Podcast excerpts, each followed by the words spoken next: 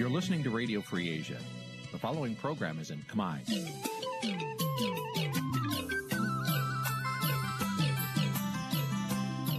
នេះជាកម្មវិធីផ្សាយ Vuthu Azizi Serai នេះជាកម្មវិធីផ្សាយរបស់ Vuthu Azizi Serai ជាភាសាខ្មែរ Vuthu Azizi Serai សូមស្វាគមន៍លោកអ្នកនាងទាំងអស់ពីរដ្ឋធានី Washington នៃសហរដ្ឋអាមេរិក បាទប្រធានាធិបតីវ៉ាស៊ីនតោនខ្ញុំបាទទីនសាករិយាសូមជម្រាបសួរលោកនាងកញ្ញាទាំងអស់ជាទីមេត្រីជាខ្ញុំសូមជូនកម្មវិធីផ្សាយសម្រាប់យប់ថ្ងៃសុក្រ200ខែមិញឆ្នាំឆ្លូវត្រីស័កពុទ្ធសករាជ2565ត្រូវនៅថ្ងៃទី18ខែកុម្ភៈគ្រិស្តសករាជ2022បាទជាដំបូងនេះសូមអញ្ជើញលោកនាងកញ្ញាស្ដាប់ព័ត៌មានប្រចាំថ្ងៃដែលមានមេត្តាដូចតទៅ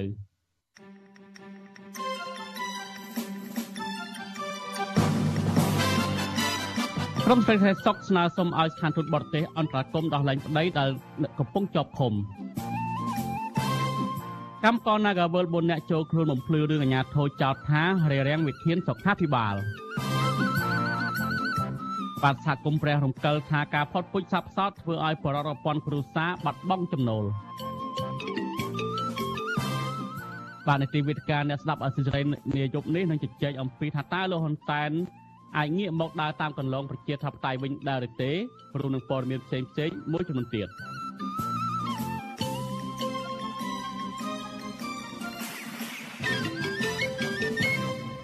បាទលោកនាយកទីមេត្រីជាបន្តទៅនេះខ្ញុំបាទសូមជូនព័ត៌មានពុស្ដាក្រុមស្ត្រីក្រុមស្ត្រីថ្ងៃសុកប្រមាណជា10នាក់នាំគ្នាដាក់ញត្តិជាថ្មីម្ដងទៀតជូនស្ថានទូតជប៉ុននិងស្ថានទូតសហរដ្ឋអាមេរិក ក្នុងបំណងស្នើសុំឲ្យជួយជំរុញរដ្ឋាភិបាលកម្ពុជាឲ្យដោះលែងប្តីនិងឪពុករបស់ពួកគាត់ឲ្យមានសេរីភាពឡើងវិញអ្នកនាំពាក្យរដ្ឋាភិបាលឆ្លើយតបថាករណីនេះគឺជារឿងគឺជារឿងរបស់តុលាការដូច្នេះស្ថានទូតបរទេសមិនអាចលុកដៃឬដាក់សម្ពាធលើរដ្ឋាភិបាលបាននោះឡើយបាទប្រធានាធិបតីវ៉ាស៊ីនតោនលោកសេបណ្ឌិតរាយការណ៍ព័ត៌មាននេះក្រមស្ត្រីថ្ងៃសុកដែលជាប្រពន្ធនិងកូនរបស់សកម្មជនបកប្រឆាំងដែលកំពុងជាប់ឃុំនៅថ្ងៃសុកទី18ខែកុម្ភៈ បាននាំគ្នាដាក់ញត្តិជូនស្ថានទូតជប៉ុននៅពេលព្រឹកហើយបន្តដាក់ញត្តិជូនស្ថានទូតអាមេរិកនៅពេលរសៀលក្រោមការឃ្លាំមើលរបស់កងសន្តិសុខនិងសមត្ថកិច្ចក្រុងភ្នំពេញជាច្រើនអ្នកប៉ុន្តែពុំមានការប៉ះទង្គិចគ្នានោះទេគោលបំណងនៃការដាក់ញត្តិនេះក្រមស្ត្រីថ្ងៃសុខអំពាវនាវឲ្យឯកអគ្គរដ្ឋទូតជប៉ុន លោកមីកាមីម៉ាសាហ៊ីរ៉ូនិងឯកអគ្គរដ្ឋទូតសហរដ្ឋអាមេរិកលោក Patrick Murphy ជួយអន្តរាគមន៍ឲ្យរដ្ឋាភិបាលកម្ពុជា ដោះលែងប្តីនិងឪពុករបស់ពួកគាត់ឲ្យមានសេរីភាពដើម្បីមានឱកាសព្យាបាលជំងឺ និងថែទាំសុខភាពព្រមទាំងចាប់ផ្ដើមជីវភាពនយោបាយឡើងវិញគណៈការបោះឆ្នោតឃុំសង្កាត់កាន់តែខិតជិតចូលមកដល់មន្ត្រីស្ថានទូតជប៉ុននិងអាមេរិកបានអនុញ្ញាតឲ្យតំណាងស្ត្រីថ្ងៃសុក2នាក់ចូលជួបពិភាក្សា និងដាក់ញត្តិនៅក្នុងស្ថានទូតដូចគ្នា បន្ទាប់ពីពួកគាត់ ប្រមូលផ្ដុំគ្នានៅខាងមុខស្ថានទូតមួយសន្ទុះប្រពន្ធរបស់សកម្មជនគណបកសង្គ្រោះជាតិដែលកំពុងជាប់ឃុំ លោកយឹមសារ៉េត គឺលោកស្រីអុកចន្ទធីរៀបរាប់ថា មន្ត្រីស្ថានទូតប្រទេសទាំងពីរបានទទួលយកញត្តិពីពួកគាត់និងសន្យាបន្តជជែកជាមួយនឹងរដ្ឋាភិបាល ដើម្បីឲ្យមានដំណោះស្រាយលោកស្រីសង្ឃឹមថាប្តីរបស់លោកស្រី និងសកម្មជននយោបាយមួយចំនួនទៀត ដែលជាប់ឃុំដោយគ្មានកំហុសជិត2ឆ្នាំមកហើយនេះនឹងមានសេរីភាពឡើងវិញឆាប់ៗនេះ។ ទទួលយកញត្តិយើងហើយគេថាគេនឹងជួយឲ្យអស់លទ្ធភាពចឹងចាដូចថាទៅឋានទូតអាមេរិកចឹងគឺខ្ញុំបានស្នើសុំទៅថាព្រោះអីនៅសហរដ្ឋអាមេរិកលោកប្រធានាធិបតីគាត់បានអញ្ជើញលោកហ៊ុនសែនទៅដើម្បីថាក្នុងកិច្ចប្រជុំចឹងខ្ញុំថាមុននឹងលោកប្រធានាធិបតីគាត់អញ្ជើញអ្នកដែលកាន់អំណាចរបស់ផ្ដាច់ការនឹងទៅគឺសូមឲ្យគាត់ដោះលែងអ្នកទោសនយោបាយសិនអញ្ចឹងចាហើយគាត់ថាគាត់នឹងពំនាំពាក្យនឹងទៅជូនទៅខាងអាមេរិកចឹងតកតងករណីនេះ ប្រធានអង្គភិបអ្នកណែនាំពីរដ្ឋាភិបាលលោកផៃស៊ីផានឆ្លើយតបថាការដែលក្រមស្ត្រីថ្ងៃសុកស្វែងរកកិច្ចអន្តរាគមន៍ពីស្ថានទូតប្រទេសនានានេះมันអាចជួយឲ្យអ្នកជាប់ឃុំរួចផុតពីពន្ធនាគារបានឡើយព្រោះសំណុំរឿងនេះកំពុងស្ថិតនៅក្នុងដៃតុលាការ។ គ្រាន់តែរកការដើម្បីនិយាយប្រាប់បរទេសរីឯទូតហ្នឹងក៏គ្មានមុខងារមកបង្ខំតឡាការអីប្រទេសណាមួយឲ្យធ្វើតាមទំនឹងចិត្តរបស់ខ្លួនអត់ទេអាហ្នឹងគឺអត់មានបានជាផលអីទេបាទទោះបីជាសម្ដេចលោកអញ្ជើញទៅសហរដ្ឋអាមេរិកហ្នឹងក៏រឿងហ្នឹងវាមិនមែនខំសម្រាប់ការពិភាក្សាគ្នារវាងលោកប្រធានាធិបតីជូបៃដិនជាមួយនឹងសម្ដេចនាយកជូបើជាវេទិកាដែលជួបគ្នានិយាយអំពីផលប្រយោជន៍សហរដ្ឋអាមេរិកជាមួយនឹងអាស៊ាន ទោះយ៉ាងណាក្រមស្ត្រីថ្ងៃសុកអះអាងថាការស្វែងរកអន្តរាគមពីបណ្ដាស្ថានទូតប្រទេសប្រជាធិបតេយ្យនេះព្រោះសំណុំរឿងប្តីរបស់គាត់គឺជារឿងនយោបាយដែលមិនអាចដោះស្រាយបានតាមប្រព័ន្ធតុលាការដែលស្ថិតនៅក្រោមអធិបុលបកកាន់អំណាចបាននោះទេជុំវិញរឿងនេះនាយកទទួលបន្ទុកកិច្ចការទូតនៃអង្គការលីកាដូលោកអមសំអាតលើកឡើងថាការធ្វើសកម្មភាពទៀមទារបស់ក្រមស្ត្រីថ្ងៃសុកនៅតាមស្ថានទូតប្រទេសនានានេះ គឺជាសេរីភាពនិងជាក្តីសង្ឃឹមរបស់ពួកគាត់លោកយល់ថារដ្ឋាភិបាលគួរតែឆ្លើយតបជាវិជ្ជមាន ដើម្បីកុំឲ្យមានការរិះគន់បន្ថែមទៀត។ពី កិត្តិយសដែរដែលកម្ពុជាយើងបានទៅប្រជុំនៅសហរដ្ឋអាមេរិករវាងអាមេរិកជាមួយនឹងអាស៊ានហ្នឹងអញ្ចឹងយើងឃើញថាប្រទេសអាមេរិកជាប្រទេសមួយដែលធ្លាប់និយាយអំពីការស្ដារឡើងវិញអំពីលទ្ធិជាតិបតៃនិងការគ្រប់គ្រងមនុស្សនៅកម្ពុជាតែខ្ញុំក៏នឹងជឿជាក់ថាក្រៅតែពីចំណុចចម្បងចម្បងរវាងអាមេរិកនិងអាស៊ានហ្នឹងក៏អាចនឹងមានចំនួនក្រៅពីការឬក៏ចំនួនណាមួយតាក់ទងនឹងការធ្វើឲ្យមានការវិវត្តឡើងកាន់តែល្អប្រសើរនៅលទ្ធិជាតិបតៃនឹងការគ្រប់សិទ្ធិមនុស្សនៅកម្ពុជានឹងផងដែរបាទគិតត្រឹមថ្ងៃទី18ខែកុម្ភៈឆ្នាំ2022មានសកម្មជនគណៈបកសង្គ្រោះជាតិសកម្មជនសិទ្ធិមនុស្សនិងអ្នករិះគន់រដ្ឋាភិបាលជាង60នាក់ទៀតកំពុងជាប់ឃុំនៅក្នុងពន្ធនាគារពួកគាត់ភ័យច្រើនត្រូវបានអាជ្ញាធរចាប់ខ្លួនជាបន្តបន្ទាប់កាលពីដើមឆ្នាំ2020តុលាការបានចោទប្រកាន់ពួកគេដូចដូចគ្នាពីបទរួមគំនិតក្បត់ញុះញង់ឲ្យយុធិនមិនស្ដាប់បង្គាប់ និងញុះញង់ឲ្យប្រព្រឹត្តបទឧក្រិដ្ឋជាអាតមកទល់នឹងពេលនេះសកម្មជនគណៈបកប្រឆាំងមួយចំនួនជាប់ឃុំជិត2ឆ្នាំហើយប៉ុន្តែតុលាការមិនទាន់កាត់ក្តីរួចរាល់នៅឡើយទេ ដែលផ្ទុយពីគោលការណ៍ច្បាប់អន្តរជាតិដែលចែងថាការជំនុំជម្រះត្រូវធ្វើឡើងដោយឆាប់រហ័សបំផុត ដើម្បីកុំឲ្យប៉ះពាល់ដល់សិទ្ធិនិងផលប្រយោជន៍របស់ជនជាប់ចោតក្រុមអង្គការសង្គមស៊ីវិលជាតិនិងអន្តរជាតិជាច្រើនស្ថាប័ន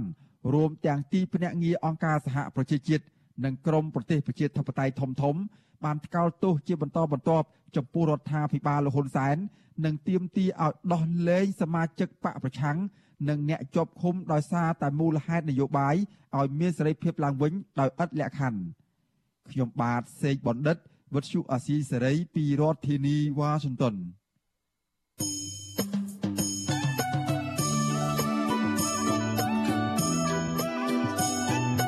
បាទលោកទីមេត្រីលោកនាងក្រៅពីស្ដាប់ឬក៏ទស្សនាអសិរ័យតាមរយៈ Facebook និង YouTube នោះលោកនាងក៏អាចស្ដាប់វិទ្យុអសិរ័យតាមរយៈរលកធាតុអាកាសខ្លីឬ Software តាមកម្រិតនិងកម្ពស់ដូចតទៅនេះពេលព្រឹកចាប់ពីម៉ោង5កន្លះដល់ម៉ោង6កន្លះតាមរយៈរលកធាតុអាកាសខ្លី9390 kHz ស្មើនឹងកម្ពស់ 32m និង11850 kHz ស្មើនឹងកម្ពស់ 25m ពេលយប់ចាប់ពីម៉ោង7កន្លះដល់ម៉ោង8កន្លះ តាមរយៈរលកធាតុអាកាសខ្លី9390 kHz ស្មើនឹងកម្ពស់ 32m និង15155 kHz ស្មើនឹងកម្ពស់ 20m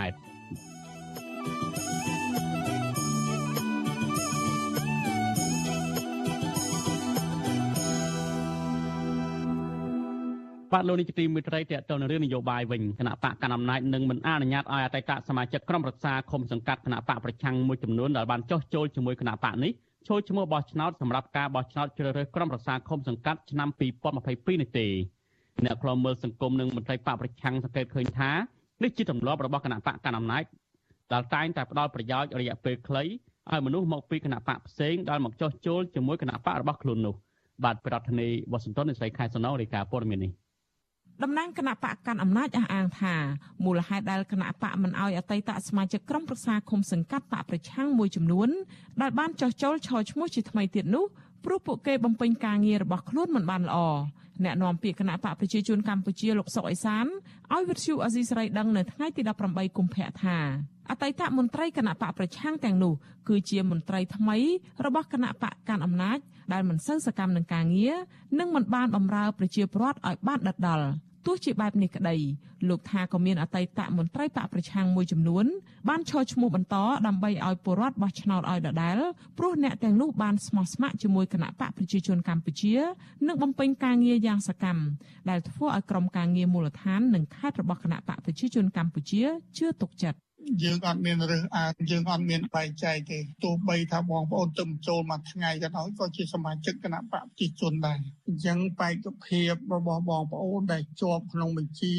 បេក្ខភាពនៅអាណត្តិថ្មីនេះវាអាស្រ័យទៅលើគុណសម្បត្តិរបស់បងប្អូនម្នាក់ម្នាក់អញ្ចឹងខ្ញុំយល់ថាអាចនឹងមានមួយចំនួនហើយក៏អាចនឹងមានអត់មានមិនមានទាំងអស់ហើយក៏មិនអត់ទាំងអស់ទេបាទ អ្នកនាំពាក្យគណៈបកកណ្ដាលអំណាចរូបនេះអះអាងទៀតថាគណៈបកប្រជាជនកម្ពុជាបានដាក់បេក្ខជនឈរឈ្មោះសម្រាប់ការបោះឆ្នោតជ្រើសរើសក្រុមប្រឹក្សាឃុំសង្កាត់ខាងមុខជិត30000នាក់សម្រាប់ឃុំសង្កាត់ចំនួនជាង1600ទូទាំងប្រទេសទោះជាយ៉ាងណាលោកសុកអេសានបដិសេធមិនផ្ដល់តួលេខជាក់លាក់របស់អតីតមន្ត្រីគណៈបកប្រឆាំងដែលមិនត្រូវអនុញ្ញាតឲ្យឈរឈ្មោះជាបេក្ខជនឲ្យបកកាន់អំណាចសម្រាប់ការបោះឆ្នោតជ្រើសរើសក្រុមប្រឹក្សាឃុំសង្កាត់ឆ្នាំ2022នោះទេ លោកសុកអេសានបញ្ជាក់ថាអតីតមន្ត្រីមូលដ្ឋានគណៈបកសង្គ្រោះជាតិដែលចូលរួមជីវភាពនយោបាយជាមួយគណៈបកប្រជាជនកម្ពុជា កាលពីឆ្នាំ2017មានជាង2600នាក់ជុំវិញរឿងនេះអនុប្រធានគណៈបកសង្គ្រោះជាតិប្រចាំខេត្តកំពង់ឆ្នាំងលោកដួងចន្ទ្រាដែលកំពុងភៀសខ្លួននៅប្រទេសថៃឲ្យដឹងថា អតីតមន្ត្រីមូលដ្ឋានគណៈបកសង្គ្រោះជាតិដែលចោះចូលជាមួយគណៈបកប្រជាជនកម្ពុជាក្នុងខេត្តរបស់លោកភៀកច្រើនមិនត្រូវគណៈបកកាន់អំណាចដាក់ឲ្យឈរឈ្មោះជាបេក្ខជនសម្រាប់ការបោះឆ្នោតទៀតទេលោកឲ្យដឹងទៀតថាចំពោះអតីតមន្ត្រីបកមួយចំនួនតូចដែលបានឈរឈ្មោះបន្ត ពួកគេក៏មិនទទួលបានលេខរៀងល្អនោះដែរ គឺត្រឹមលេខបំរុងមកដល់ពេលនេះយើងឃើញលទ្ធផលជាក់ស្ដែងតែម្ដង គឺនៅស្រុកកំពង់លែងគឺឃុំឃុំចំណោកបាទឃុំចំណោកគឺយើងបានជាមេឃុំឥឡូវនេះគាត់បានចូលជាមួយគេក្រោយពីរំលាយគណៈបកប្រជាជាតិប៉ុន្តែមកដល់ពេលនេះឃើញថាបេក្ខជនបេក្ខភាពដែលដាក់គាត់ចូលក្នុងអាណត្តិនេះគឺមិនទាន់ឃើញគាត់ឈរជាបេក្ខជនជាលេខល្អទេគឺគេដាក់លេខបំរុងទៅវិញបាទនេះជាជាក់ស្ដែង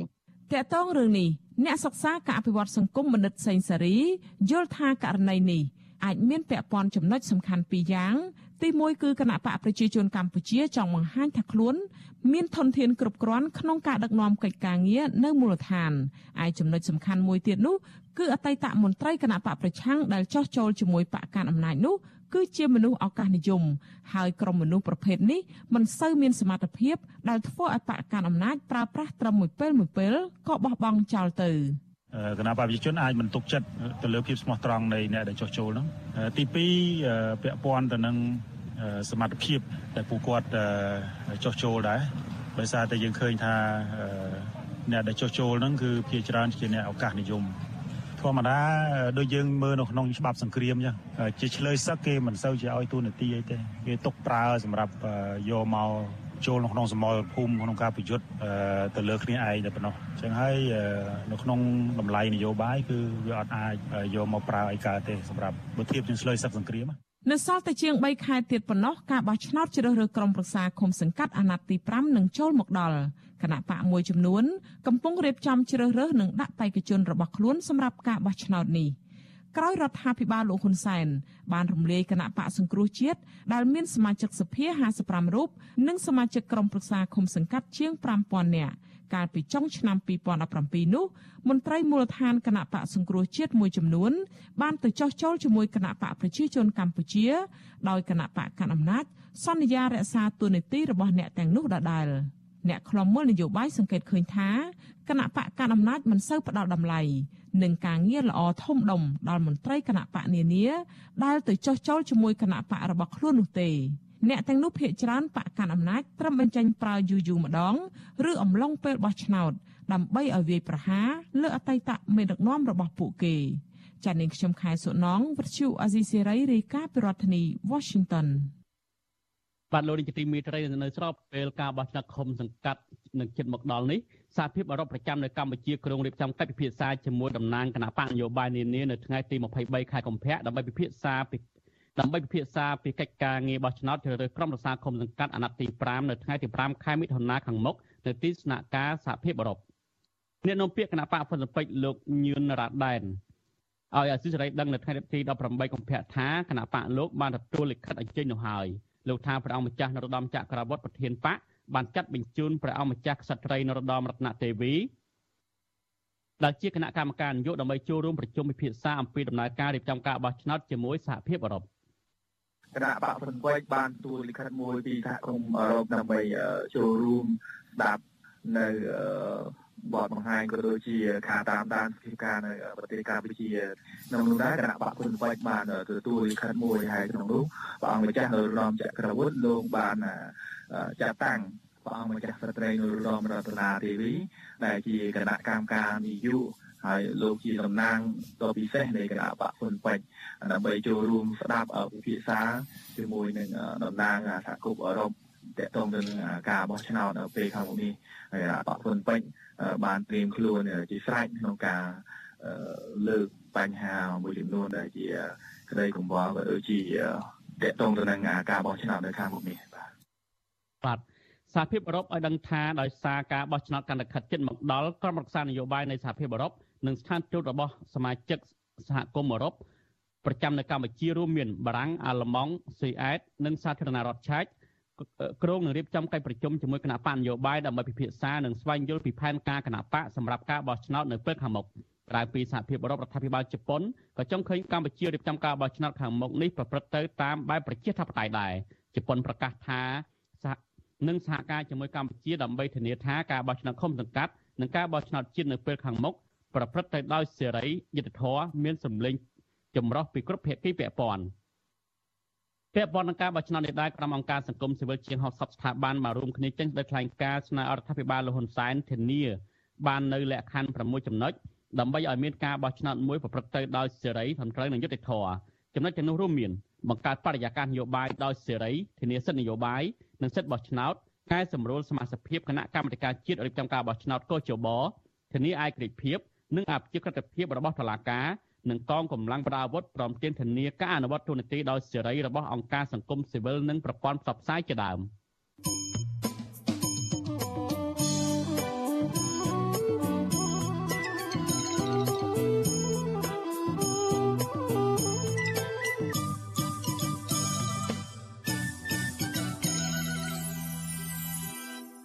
បាទលោកនាយកទីមេត្រីលោកនាយក លោកនាយករដ្ឋមន្ត្រីហ៊ុនសែនបានណែនាំឲ្យអាជ្ញាធរឈប់ធ្វើទុកបុកម្នេញគណៈបកនយោបាយដែលបានចុះបញ្ជីចូលរួមប្រកបប្រជែងការបោះឆ្នោតនៅពេលខាងមុខលោកហ៊ុនសែនអះអាងថាគណៈបកនយោបាយទាំងអស់មានសិទ្ធិសេរីភាពធ្វើសកម្មភាពនយោបាយដោយស្មើភាពគ្នាតែលោកហ៊ុនសែនពិតជាមានបំណងងាកមកដើរតាមកន្លងប្រជាធិបតេយ្យវិញឬក៏ជាលបែងពិនភ្នែករបស់លោកបាទសូមលោកនេះរងចាំស្ដាប់ឬក៏ទស្សនានីតិវិទ្យាអ្នកស្ដាប់អសិរ័យនៅពេលបន្តិចទៀតដែលយើងនឹងជជែកអំពីបញ្ហានេះកុំបីខានបើសិនជាលោកនាង ចង់សួរមកកាន់វិក្កាមរបស់យើងឬក៏មានសំណួរដោយផ្ទាល់ដាក់លេខទូរស័ព្ទនៅក្នុងខ្ទង់ comment ដែលយើងកំពុងផ្សាយផ្ទាល់នេះយើងខ្ញុំនឹងតាក់ទងទៅលោកអ្នកនាងវិញបាទសូមអរគុណ thank you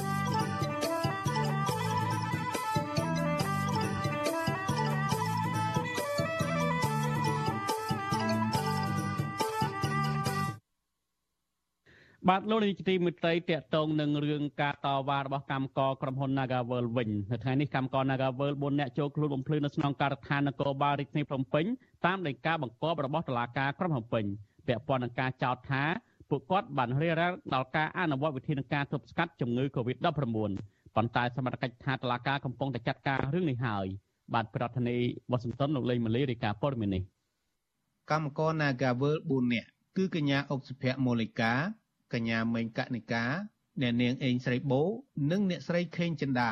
នៅរសៀលថ្ងៃទី18កុម្ភៈបាននាំគ្នាចូលទៅបំភ្លឺនៅស្នងការដ្ឋាននគរបាលរាជធានីភ្នំពេញពាក់ព័ន្ធនឹងការចោទប្រកាន់ថាពួកគាត់រារាំងវិធានការសុខាភិបាលក្នុងការទប់ស្កាត់ជំងឺ Covid-19 ក្រោយពេលពួកគេចូលបំភ្លឺអមដោយមេធាវីម្នាក់ មន្ត្រីនគរបាលប្រាប់ថាសំណុំរឿងនេះផុតពីដៃរបស់សមត្ថកិច្ចហើយចូលដល់នីតិវិធីចៅក្រមស៊ើបសួរនៃសាលាដំបងរាជធានីភ្នំពេញហើយទន្ទឹមគ្នានេះមានកម្មករ Nagavel ប្រមាណ50នាក់នាំគ្នាតាមដានការចូលបំភ្លឺរបស់កម្មករទាំង4នាក់ដោយម្នាក់ម្នាក់លើកក្រដាសសរសេរថាខ្ញុំធ្វើជាសាស័យមេធាវីការពារក្តីឲ្យកម្មករ Nagavel គឺអ្នកស្រីសាមសុគន្ធាថ្លែងប្រាប់អ្នកសារព័ត៌មានថា លោកស្រីស្នើសុំសមត្ថកិច្ចឲ្យជួយសរសេរបញ្ជាក់លើដីការបស់តុលាការដើម្បីបង្ហាញថាពួកគេពិតជាបានចូលបំភ្លឺតាមកាលកំណត់របស់តុលាការមែនប៉ុន្តែសំណើនេះត្រូវបានសមត្ថកិច្ចបដិសេធអ្នកស្រីបញ្ជាក់ថាការចូលខ្លួនបំភ្លឺនៅតុលាការទាល់តែមានការចេញដីកាពីតុលាការជាថ្មីព្រោះសំណុំរឿងនេះស្ថិតក្នុងដំណាក់កាលចៅក្រមស៊ើបសួរគឺផុតពីសមត្ថកិច្ចនិងតំណាងអាយកាហើយ បងបានចូលមកមែនបងមិនអត់កិច្ចទេមិញហ្នឹងខ្ញុំបានស្នើសុំខាងសងការគាត់ជួយចាថាផុតដៃគាត់តែបងបានមកតែរឿងដល់តុលាការប៉ុន្តែគាត់ប្រាប់ថាគាត់ចាទេអញ្ចឹងតាមខ្ញុំយល់បងគួរចាំដីកាកោះពីតុលាការអានេះអ្វីដែលខ្ញុំយល់ណាហើយបើសិនជាមានដីកាកោះពីតុលាការបងអាចជំរាបមកមេធាវីមកមេធាវីនឹងទៅការពីអូបងតាមការស្នើសុំដោយតែបងបានស្នើសុំថ្ងៃហ្នឹងកម្មករ Nagavel 4នាក់លើកឡើងថា ពួកគេនឹងចូលខ្លួនបំភ្លឺតាមនីតិវិធីរបស់តុលាការប្រសិនបើមានការកោះហៅពួកគេឲ្យចូលបំភ្លឺនៅពេលខាងមុខពួកគេថាការចោទប្រកាន់ពីព្រះរាជអាជ្ញារងនៃសាលាដំបងរាជធានីភ្នំពេញលោកសេងហៀងគឺជារឿងមិនពិតព្រោះពួកគេនិងកម្មករផ្សេងទៀតដែលធ្វើកោតកម្មនៅក្បែរស្ថានទូតអូស្ត្រាលីកន្លងមក បានចូលរួមផ្ដល់សំណាក់រោគជំងឺ Covid-19 ជូនក្រុមគ្រូពេទ្យនៅកោះពេជ្រតាមការណែនាំរបស់ក្រសួងសុខាភិបាលរួចរាល់ហើយ វិទ្យុអស៊ីសេរីមិនអាចសុំការឆ្លើយបំភ្លឺរឿងនេះពីអ្នកនាំពាក្យសាលាដំបងរាជធានីភ្នំពេញលោកអ៊ីរ៉ានបានទេនៅថ្ងៃទី18កុម្ភៈជុំវិញរឿងនេះនាយកទទួលបន្ទុកកិច្ចការទូតនៃអង្គការលីកាដូលោកអំសំអាតដែលតាមខ្លមមើលរឿងនេះមានប្រសាសន៍ថាការប្រែក្លាយពីវិវាទការងាររវាងក្រុមកម្មករនយោជិតនិងក្រុមហ៊ុន Nagavel ទៅជារឿងចេញដីកាចាប់ខ្លួនតំណាងសហជីពនិងកម្មករទៅតុលាការនេះ គឺការចេញពីចំនួនការងារដែលក្រសួងពាក់ព័ន្ធអសមត្ថភាពដោះស្រាយបញ្ចប់បញ្ហានេះត្រឹមត្រូវតាមច្បាប់លោកបន្តថាការប្រើប្រព័ន្ធតុលាការដើម្បីដាក់គំនាបគៀបសង្កត់គម្រាមកំហែងក្រុមកម្មករ Nagavel ឲ្យឈប់ធ្វើកោតកម្មទាមទារក្រុមហ៊ុនឲ្យទទួលតំណែងពួកគេនិងកម្មករជាង300នាក់ចូលធ្វើការវិញនោះមិនមែនជាដំណោះស្រាយដែលអាចបញ្ចប់បញ្ហានេះបានទេលោកយល់ថាវិវាទការងារនេះគួរតែដោះស្រាយតាមយន្តការច្បាប់ ដែលក្រសួងការងារមានទួនាទីសម្របសម្រួលជាមួយភាគីក្រុមហ៊ុន ពន្លឿនការរកដំណោះស្រាយ។ ខ្ញុំគិតថារឿងនាការវើលនេះវារមមដល់ពេលត្រូវរួមគ្នាបញ្ចប់បញ្ហាហ្នឹងហើយការដោះស្រាយវិវាទការងារហ្នឹងទៅណាដោយសម្ដេចកលាហោមសខេនដែលលោកធ្លាប់លើកឡើងថាសូមឲ្យភាគីពាក់ព័ន្ធទាំងអស់នាំគ្នាដោះស្រាយបញ្ចប់រឿងវិវាទនាការវើលដោយសន្តិវិធីទៅហើយបើមិនចឹងទេគឺបង្កផលលំបាកកាន់តែច្រើនសម្រាប់បុគ្គលិកនាការវើលដែលគាត់កំពុងតែធ្វើកោតកម្មឬក៏អតីតបុគ្គលិកនាការវើលដែលគាត់ធ្វើកោតកម្មហ្នឹងมันមានដំណោះស្រាយហើយបែរជាត្រូវចាប់ខ្លួនជាបន្តបន្ទាប់ទៅវិញនោះកាលពីថ្ងៃទី9កុម្ភៈចក្រមស៊ើបសួរនៃសាលាដំបងក្រីកធានីភ្នំពេញអ្នកស្រីអុករ៉េតគុន្ធាចេញដីកាឃុំខ្លួនបណ្ដោះអាសន្នចំពោះកោតក្រ Nagavel 3នាក់គឺមានលោកជួបច័ន្ទណាត លោកសេងវណ្ណរិទ្ធនិងលោកសោកសម្បត្តិដាក់ពន្ធនាគាររាជធានីភ្នំពេញហៅកាត់ថា PC ក្រោមបទចោទថារារាំងវិធានសុខាភិបាលត្រង់មាត្រា11នៃច្បាប់ប្រយុទ្ធប្រឆាំងជំងឺ Covid-19 ការសម្រេចឃុំខ្លួននោះគឺធ្វើឡើងក្រោយពេលសមត្ថកិច្ចរាជធានីភ្នំពេញបានស្ទាក់ចាប់ពួកគេតាមដីការបស់ព្រះរាជអាជ្ញារង គឺលោកសេងហៀងកាលពីយប់ថ្ងៃទី5កុម្ភៈនៅពេលពួកគេចេញពីកន្លែងផ្ដាល់សំណាក់រោគជំងឺ Covid-19 នៅមជ្ឈមណ្ឌលកោះពេជ្រចំណែកតំណាងសហជីពនិងសកម្មជនសហជីព8នាក់ទៀតពួកគេកំពុងជាប់ឃុំក្នុងពន្ធនាគារព្រៃសរក្រោមបទចោទថាញុះញង់បង្កឲ្យមានភាពវឹកវរធ្ងន់ធ្ងរដល់សន្តិសុខសង្គម ពាក់ព័ន្ធនឹងសកម្មភាពធ្វើកោតកម្មនៅខាងមុខក្រុមហ៊ុន Nagavel កាលពីពាក់កណ្ដាលខែធ្នូឆ្នាំ2021ក្រុមអង្គការសិទ្ធិមនុស្សជាតិនិងអន្តរជាតិទាមទាររដ្ឋាភិបាលឲ្យដោះលែងតំណាងសហជីពសកម្មជនសហជីពនិងកម្មករ Nagavel ចំនួន11នាក់ឲ្យមានសេរីភាពវិញ និងដោយឥតលក្ខខណ្ឌពួកគេស្នើដល់ក្រសួងពាក់ព័ន្ធឲ្យបន្តដោះស្រាយវិវាទការងារនៅក្រុមហ៊ុន Nagavel ដោយភាពស្មោះត្រង់យុត្តិធម៌តម្លាភាព និងតាមច្បាប់ស្តីពីការងារខ្ញុំបាទលេងម៉ាលីវិទ្យុអស៊ីសេរីរាយការណ៍ពីរដ្ឋធានី Washington បាទលោកនាយកទីមេត្រីឥឡូវនេះយើងបានភ្ជាប់ទូរស័ព្ទទៅសម្ភាសបុគ្គលិក Nagavel បន្ថែមនឹងបន្ថែមនៅស្តីរាយការណ៍របស់លោកលេងម៉ាលីនេះដែលកញ្ញាប៉ាងលីតាកញ្ញាដែលបម្រើការងារខាងកាស៊ីណូបាទខ្ញុំបាទសូមជម្រាបសួរកញ្ញាប៉ាងលីតាបាទចាជំរាបសួរបងបាទ លីតាហ្នឹងដូចខ្ញុំស្ដាប់សេចក្តីរាយការណ៍អំបញ្ញមិញនេះគឺក្រុមរបស់កញ្ញាហ្នឹងបានទៅស្នងការប៉ូលីសទៅការដ្ឋានរបស់ប៉ូលីសហ្នឹងដើម្បីទៅឆ្លើយបំភ្លឺតទៅនឹងការចាប់ប្រកាន់ដែលគេចោទថាខាងអ្នកតវ៉ារបស់ក្រុមហ៊ុន Nagavel ហ្នឹងរួមទាំងកញ្ញាផងហ្នឹងរារាំងវិធានការរបស់ស្ថានភាពក្នុងការទប់ស្កាត់ជំងឺ Covid-19 តើក្រៅអំពីសេចក្តីរាយការណ៍បាញ់មិញនេះតើខាងប៉ូលីសបាននិយាយប្រាប់ក្រុមកញ្ញាយ៉ាងដូចម្តេចខ្លះទៅបាទ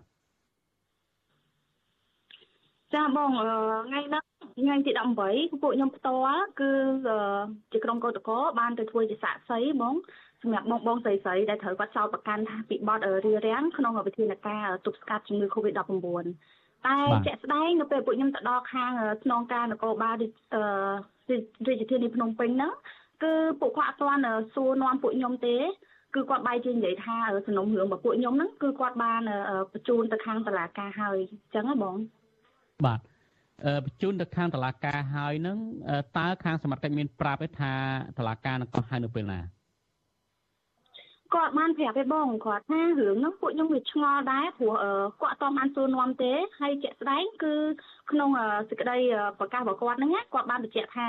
ឲ្យពួកខ្ញុំទៅឲ្យមុនថ្ងៃទី19មានន័យថាថ្ងៃទី19គឺអស់សុពលភាពប៉ុន្តែជាក់ស្ដែងគឺពួកខ្ញុំបានទៅមុនមួយថ្ងៃអញ្ចឹងវាអត់ទាន់ហួសសុពលភាពទេត្រូវអត់បងប៉ុន្តែពួកគាត់បែរជាបញ្ជូនសំណុំរឿងពួកខ្ញុំហ្នឹងទៅខាងតុលាការពួកខ្ញុំឆ្ងល់ដែរអាហ្នឹងគឺពួកខ្ញុំចង់សួរទៅខាងស្នងការដូចគ្នាថាគាត់ គិតអីហើយហេតុអីបានជាគាត់បញ្ជូនទៅទាំងដែលគាត់អត់ទាន់បានសួរនាំមើលខាងបងបងអញ្ចឹងណាចាបង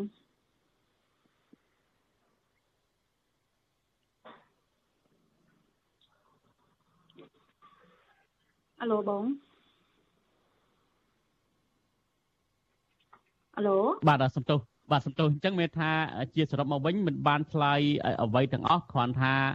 បានជួលគឺថាគេបញ្ជូនទៅតុលាការបាត់ទៅហើយអញ្ចឹង កញ្ញាបានឆ្លើយថាអ្វីដែលកញ្ញាបានទៅនេះគឺក្នុងនាមជាសាក្សីដើម្បីឆ្លើយដោះបន្ទុក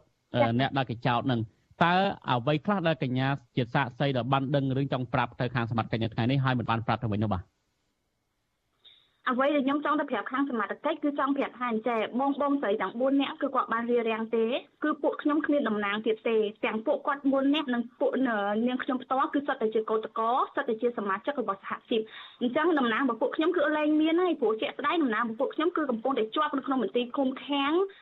គុកព្រៃសរបងអញ្ចឹងពួកខ្ញុំមានតំណាងទេអញ្ចឹងពួកខ្ញុំ ចង់ទៅស្រ័យបំភ្លឺគឺចង់ស្រ័យបំភ្លឺថាពួកខ្ញុំគ្មានតំណែងហើយពួកខ្ញុំក៏មិនបានរៀបរៀងដែរទាំងបងស្រី4អ្នកផ្ទាល់ក៏គាត់បានរៀបរៀងដែរពីព្រោះពួកគាត់ក៏បានចូលរួមសហការក្នុងការទៅយកសំណាក់ធ្វើតេស្ត COVID-19 ទាំងអស់គ្នាដូចតែពួកនាងខ្ញុំដែរបងចង់និយាយចឹងមកណាបាទអញ្ចឹងបើនៅពេលខាងមុខនេះតឡាការនឹងកោះហៅក្រុមប្អូនទៅសួរនាំបន្ថែមប្អូននឹងនឹងទៅតាមការកោះហៅរបស់តឡាការ អាហ្នឹងគឺចាំខាងសាលាការគាត់ចេញមកសិនបងព្រោះនិយាយទៅពួកខ្ញុំអត់ដែររៀនអត់ដែរថាដែរតិចវេះទេបងគឺពួកខ្ញុំដើរតាមផ្លូវច្បាប់រហូតឲ្យតែច្បាប់គាត់ហៅពួកខ្ញុំអញ្ចឹងណាគឺពួកខ្ញុំធ្វើតាមបាទអរគុណរហូតមកទល់ពេលនេះឃើញថាតំណាងឬក៏ក្រុមអ្នកតវ៉ាហ្នឹងគឺខាងតឡាការបានចាប់ដាក់ពន្ធនាគារជាបន្តបន្ទាប់សម្រាប់កញ្ញានៅពេលនេះយើងឃើញថាការតវ៉ាហ្នឹងគឺបានអស់ម្លាយពេលជាច្រើនខែមកហើយដែរប៉ុន្តែមិនមានដំណោះស្រាយ ទៅទេផ្ទុយទៅវិញគឺមានការចាប់ខ្លួនជាបន្តបន្តបែបនេះតើអឺបើនៅតែបន្តចាប់ទៀតនឹងកញ្ញាខ្លួនឯងឬក៏ឬក៏ក្រុមរបស់កញ្ញានឹងព្រួយបារម្ភទេឬក៏ឈប់ធ្វើសកម្មភាពទៀមទានេះឬក៏យ៉ាងណាបាទ ចាបងនិយាយទៅចំពោះបញ្ហាហ្នឹងគឺពួកខ្ញុំអត់ដែរបោះបង់ឆន្ទៈរបស់ពួកខ្ញុំទេតាំងពីថ្ងៃដំបូងនិយាយទៅតាំងពីមុនថ្ងៃធ្វើកោតកម្មពួកខ្ញុំនៅតែរក្សាជំហរដរាបណាពួកខ្ញុំមិនទទួលបានដំណោះស្រាយពីក្រុមហ៊ុន Nagawer ដំណោះស្រាយដែលថាពួកក្រុមហ៊ុនថាកែ Nagawer ត្រូវតែដោះលែងដំណើររបស់ពួកខ្ញុំទាំង8នាក់និងសមាជិកអឺសហជីពដែលជាកោតកោដូចមានខ្ញុំផ្ទាល់3នាក់ដែលទើបតែចាប់ខ្លួនក្រោយពីធ្វើសំណាក់ហើយកាលពីថ្ងៃទី5ខែ2ឆ្នាំ2022 និងថៅកែ Nagawer ត្រូវតែទទួលយកបុគ្គលិក365នាក់រួមទាំងបុគ្គលិកកម្មសិក្សាដែលយើងហៅកាត់ថា ETP ឲ្យចូលធ្វើការវិញដោយគ្មានលក្ខខណ្ឌនិងថៅកែ Nagawer ចូលតុចរចាដោះស្រាយវិវាទការងារនេះដោយសុខឆន្ទៈនិងប្រកបដោយភាពស្មោះត្រង់ទើបពួកយើងបញ្ចប់ធ្វើការធ្វើកតកម្មមួយនេះបងបាទអូនថាតលតែភាគីពាក់ព័ន្ធ ចូលរួមដោះស្រាយដោយភាពស្មោះត្រង់តើកន្លងមកនឹងការដោះស្រាយអត់មានភាពស្មោះត្រង់បែបណាខ្លះទេបាទជាក់ស្ដែងបងកាលពីនិយាយទៅកាលពីពួកខ្ញុំមកធ្វើកោតកម្មហ្នឹងគឺខាងក្រសួងសុខាភិបាលខាងក្រសួងការងារគាត់តែងតែកោះហៅខាងខ្ញុំជាតំណាងការនោះគឺតំណាងខ្ញុំអត់ទាន់នេះទេអត់ទាន់អីគេអត់ទាន់ត្រូវចាប់ខ្លួនបងចាប់ខ្លួនបាទហៅទៅតែហៅទៅគឺចាប់ចូលមន្ទីរឃុំឃាំងហ៎បង ចចាការនោះគាត់ព្យាយាមហៅមែនតែគាត់ដោះស្រាយទៅរឿងចំណុចគុណលុយទេប៉ុន្តែសូមបញ្ជាក់ថាការគុណលុយគឺមិនដែលត្រូវបាទអត់ដែលត្រឹមត្រូវទេបងតែគាត់លើកមកនិយាយមកមកនិយាយកាពីព្រឹមិកនមិត្រូវញយ៉ាងណាខ្លះទៅកញ្ញាអាចលើកឧទាហរណ៍បន្តិចបានទេបាទចាបងអឺការគុណលុយមិនត្រឹមត្រូវហ្នឹងតើមិនត្រូវបែបណាអាចលើកឧទាហរណ៍បន្តិចបានទេបាទអឺ រឿងហ្នឹងគឺរឿងបច្ចេកទេសបងអាហ្នឹងគឺគាត់ខ្ញុំដឹងថាគាត់គុណអត់ត្រឹមត្រូវក្រសួងគាត់ផ្ទាល់គាត់ដឹងដែរអញ្ចឹងហ៎បងចាបាទបាទអរគុណអឺអឺកញ្ញានៅតែមានអឺការបដិញ្ញាចិត្តតវ៉ារហូតដល់តែមានដំណោះស្រាយហើយអឺបើសិនជាអឺมันមានដំណោះស្រាយទេកញ្ញានៅតែបន្តធ្វើអឺកោតកម្មអឺបែបនេះហើយឥឡូវហ្នឹងអឺស្ថានភាពកូវីដកំពុងតែខ្លាំងហើយ អាជ្ញាធរចោទថាអឺជាអឺក្រុមរបស់កញ្ញាហ្នឹងរារាំងវិធានរបស់ក្រសួងសុខាភិបាលទីហ្នឹងតើការចោទប្រកាន់នេះជាការយល់របស់កញ្ញាទៅវិញតើអ្វីជាកត្តាសំខាន់អឺដើម្បីទប់ស្កាត់កុំឲ្យឆ្លងជំងឺ Covid-19 មែនឬក៏ជាការចោទប្រកាន់អឺបែបណាទៅបាទគឺពួកខ្ញុំតែងតែចូលរួមចូលរួមក្នុងការអឺសហការ3កុំ3ការពារតាមប្រសាសន៍របស់រាជរដ្ឋាភិបាលក៏ដូចជាសម្ដេចពុកផ្ទាល់គឺពួកខ្ញុំ តែងតែរក្សាកម្រិតជាក់ស្ដែងនេះបងបងឃើញអញ្ចឹងនៅក្នុងអឺសារព័ត៌មានដែលអឺខាងព័ត៌មានគាត់ផ្តិតយករូបភាព á គឺពួកខ្ញុំផ្ទាល់តែងតែរក្សាកម្រិតបាញ់អកលនិយាយទៅអឺគឺពួកខ្ញុំគិតពីសុខភាពហ្នឹង á បងពាក់ម៉ាស់បាញ់អកលគឺដូចដូចប្រជាជនយើងធម្មតាអញ្ចឹងបងពួកខ្ញុំគិតពីសុខភាពដូចគ្នាអញ្ចឹងខ្ញុំគិតថាហ្នឹងមិនមែនជាបញ្ហាចោតទេព្រោះពួកខ្ញុំអត់ដែរចង់និយាយថាអឺអត់ដែរមិនគោរពណាអត់ដែរមិនគោរពនៅវិធានការរបស់ក្រសួងសុខាភិបាលហើយបង ព្រោះពួកខ្ញុំផ្ទាល់ក៏ឆ្លងសុខភាពខ្លួនឯងដែរបងចេញម៉ូតូវ៉ាក៏ម៉ូតូវ៉ាដើម្បីតែកាពេកណាស់បាយនឹងដែរអញ្ចឹងណាបងបាទអរគុណកញ្ញាបានហៅនរណាគេបំបញ្ញមិញសម្ដេចពុកនេះគឺសម្ដេចអឺនាយករដ្ឋមន្ត្រីហ៊ុនសែនមែនទេបាទចាសម្ដេចរដ្ឋាភិបាលបាទព្រោះអឺអឺអឺកញ្ញាបានសម្ដេចគាត់ចាត់ទុកអឺលោកនាយករដ្ឋមន្ត្រីថាដូចជាឪពុកអញ្ចឹងហៅអឺថាទាំងហៅសម្ដេចពុកអីអញ្ចឹងជាដើមតើកញ្ញាចង់ឲ្យសម្ដេចពុកនឹងចេញមុខអឺជួយដោះស្រាយបែបណាលើករណីនេះយើងឃើញថា សម្ដេចពុករបស់កញ្ញាកន្លងមកនេះបញ្ហានៅភូមាក៏លោកហាក់បីដូចជាមានក្តីមេត្តាអាណិតជាប្រដដែរដែលរងគ្រោះដោយសាររបបផ្ដាច់ការកំពុងតែធ្វើបាបនោះសម្រាប់បច្ចុប្បន្ននេះសម្រាប់កម្មកនាការវិញកញ្ញាចង់ឲ្យសម្ដេចពុកនឹងជួយបែបណាទៅបាទអឺរឿងហ្នឹងអត់អីបងរឿងហ្នឹងដូចអឺពួកខ្ញុំបាននិយាយតាំងពីអឺការផ្ដោតបទសម្ភាសន៍មុនមុនអញ្ចឹងដូចបងបងដឹងហើយថាអឺសហជីពរបស់ខ្ញុំគឺជាសហជីពឯករាជ្យអញ្ចឹងពួកខ្ញុំគិតថារឿងនេះមិនចាំបាច់ដល់សម្ដេចពុកទេព្រោះថារឿងហ្នឹងគឺ គឺជាវិវាទរវាងអឺបុគ្គលិកនិងក្រុមហ៊ុន Nagawer អញ្ចឹងខ្ញុំមានតែស្នើទៅខាងក្រសួងសុខាភិបាលពីក្រសួងពាក់ព័ន្ធសំទោសបងក្រសួងពាក់ព័ន្ធឲ្យគាត់ជួយជំរុញភាគីក្រុមហ៊ុន Nagawer គឺជំរុញកោះហៅខាងតកែ Nagawer ឲ្យចុះមកដោះស្រាយបញ្ចប់វិវាទមួយនេះក៏បានដែរបងមិនបាច់ទៅដល់សម្ដេចពុកយើងទេអញ្ចឹងមានថារឿងនេះរឿងទុចតាចតែឲ្យមានអាជ្ញាធរដោះស្រាយគឺបានហើយអញ្ចឹងណាបាទចាបងព្រោះរឿងបាទអទួរចគុណច្រើនកញ្ញារឿងប៉ាងលីតាចុងក្រោយប្អូនមានអ្វីចង់បន្ថែមទេបាទ ចាចុងក្រោយគឺខ្ញុំមានតែអឺនិយាយទៅលើកម្រាមដៃដកស្នើសុំទៅដល់ក្រសួងដែលពាក់ព័ន្ធក៏ដូចជាស្ថាប័នពាក់ព័ន្ធទាំងអស់មេត្តាជួយអន្តរាគមន៍មកលើអឺមកអឺចេះថាអន្តរាគមន៍រឿងរបស់ពួកខ្ញុំនឹងផងព្រោះវាអឺមានរយៈពេលយូរដែរហើយចាជាពិសេសគឺជំរុញឲ្យខាងភាគី Nagawer ចេញមកដោះស្រាយវិវាទមួយនឹងផងបងឲ្យចប់ឆាប់ឆាប់ទៅព្រោះថារឿងទួចមែនតើអញ្ចឹងនិយាយចឹងហ៎បងបាទ ព្រោះព្រោះជាក់ស្ដែងតាំងពីរឿងនឹងកើតឡើងមកអត់ដែលឃើញ Naga ចេញមកដោះស្រាយសោះអញ្ចឹងហ៎បងអញ្ចឹងខ្ញុំចង់ស្នើឲ្យខាងក្រសួងអឺជួយហៅជំរុញខាងអឺតកែ Nagawer ឬមួយក៏ក៏តំណាងរបស់ Nagawer ហ្នឹងឲ្យចុះមកដោះស្រាយជាមួយក្រុមកោតក្រដែលជាបុគ្គលិករបស់ក្រុមហ៊ុន Naga Nagawer ផ្ទាល់ផងបងបាទចា៎បាទអរគុណច្រើនកញ្ញាលីតា បាទអឺអរគុណអឺសូមអឺជម្រាបលាបាទចាបងអរគុណជំរាបលា បាទលោកលោកនាយកទីមេត្រីលោកនាយករដ្ឋមន្ត្រីហ៊ុនសែនបានណែនាំឲ្យអាជ្ញាធរឲ្យឈប់ធ្វើទុកបុកម្នេញគណៈបកនយោបាយដោយបានចុះបញ្ជីចូលរួមប្រគល់ប្រជែងការបោះឆ្នោតនៅពេលខាងមុខលោកហ៊ុនសែនអះអាងថាគណៈបកនយោបាយទាំងអស់មានសិទ្ធិសេរីភាពធ្វើសកម្មភាពនយោបាយដោយស្មើភាពគ្នាតែលោកហ៊ុនសែនពិតជាមានបំណងចង់ងាកមកដើរតាមកន្លងប្រជាធិបតេយ្យវិញឬក៏ជាលបាយនយោបាយឆ្ពិនភ្នែករបស់លោកបាទសូមលោកនាងរងចាំទស្សនានីតិវិទ្យាអ្នកស្ដាប់អសិរ័យដែលនឹងជជែកអំពីបញ្ហានេះនៅពេលបន្តិចទៀតនេះបើសិនជាលោកនាងមានសំណួរចង់សួរមកកាន់លោកវិក្កាមរបស់យើង លោកនាងអាចដាក់លេខទូរស័ព្ទនៅក្នុងក្នុងខមមិនដែលយើងកំពុងតែផ្សាយផ្ទាល់នេះយើងខ្ញុំនឹងតាក់ទងទៅលោកនាងវិញបាទសូមអរគុណ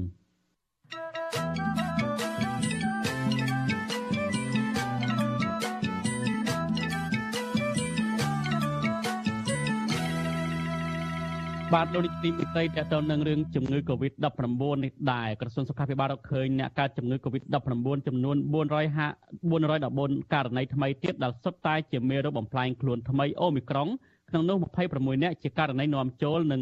388អ្នកទៀតជាករណីឆ្លងនៅក្នុងសហគមន៍គិតត្រឹមព្រឹកថ្ងៃទី18កុម្ភៈនេះកម្ពុជាមានអ្នកកើតជំងឺ Covid-19 ជាង120,000នាក់ក្នុងនោះអ្នកជាសះស្បើយមានជិត120,000នាក់និងអ្នកស្លាប់មានចំនួន3015នាក់ក្រសួងសុខាភិបាលប្រកាសថាគិតត្រឹមថ្ងៃទី17កុម្ភៈម្សិលមិញរដ្ឋាភិបាលចាក់វ៉ាក់សាំងគ្រប់ដូសជូនពលរដ្ឋបានជាង13លាន8សែននាក់ ក្នុងចំណោមពលរដ្ឋដែលត្រូវចាក់វ៉ាក់សាំងប្រមាណជា14លាននាក់រាប់ពីកុមារអាយុពី5ឆ្នាំរហូតដល់មនុស្សពេញវ័យរីឯដូសជំរុញទី3និងទី4វិញរដ្ឋាភិបាលចាក់ជូនពលរដ្ឋបានសរុបជិត7លាននាក់លើសពីនេះក្រសួងសុខាភិបាលប្រកាសថាយុទ្ធនាការចាក់វ៉ាក់សាំងបង្ការជំងឺ Covid-19 ដល់កុមារអាយុពី3ឆ្នាំដល់ក្រោម5ឆ្នាំនឹងត្រូវធ្វើឡើងចាប់ពីថ្ងៃពុធទី23កុម្ភៈសប្តាហ៍ក្រោយនេះតទៅ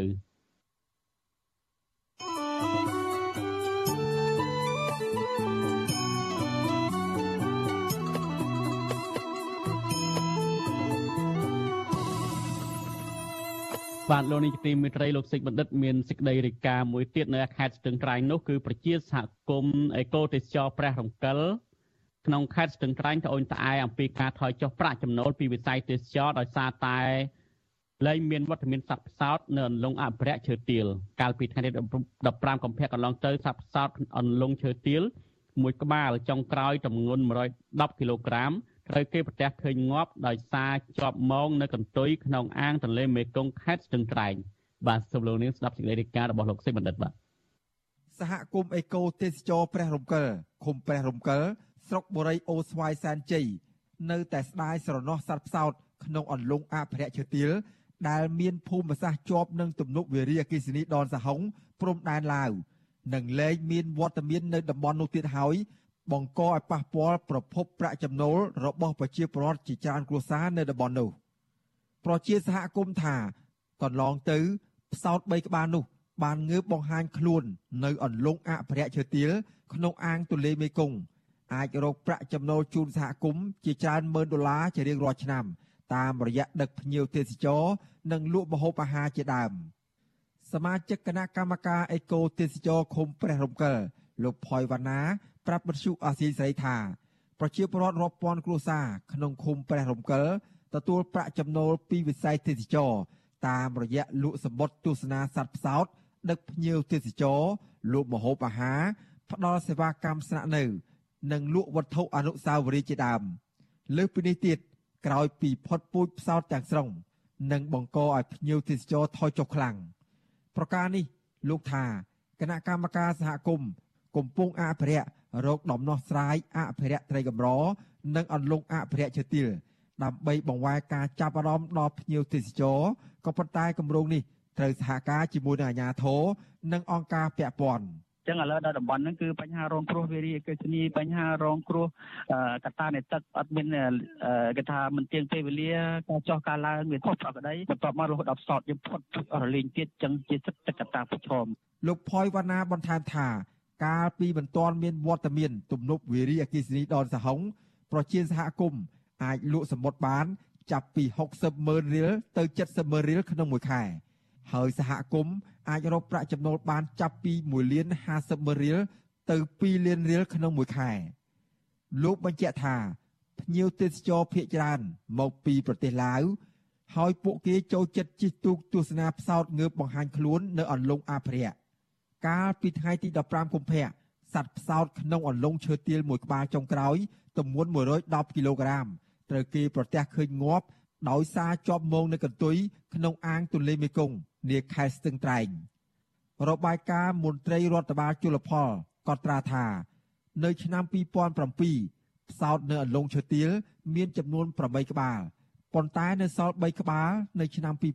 2018និងបន្តថយចុះ មកនៅត្រឹមមួយក្បាលនៅឆ្នាំ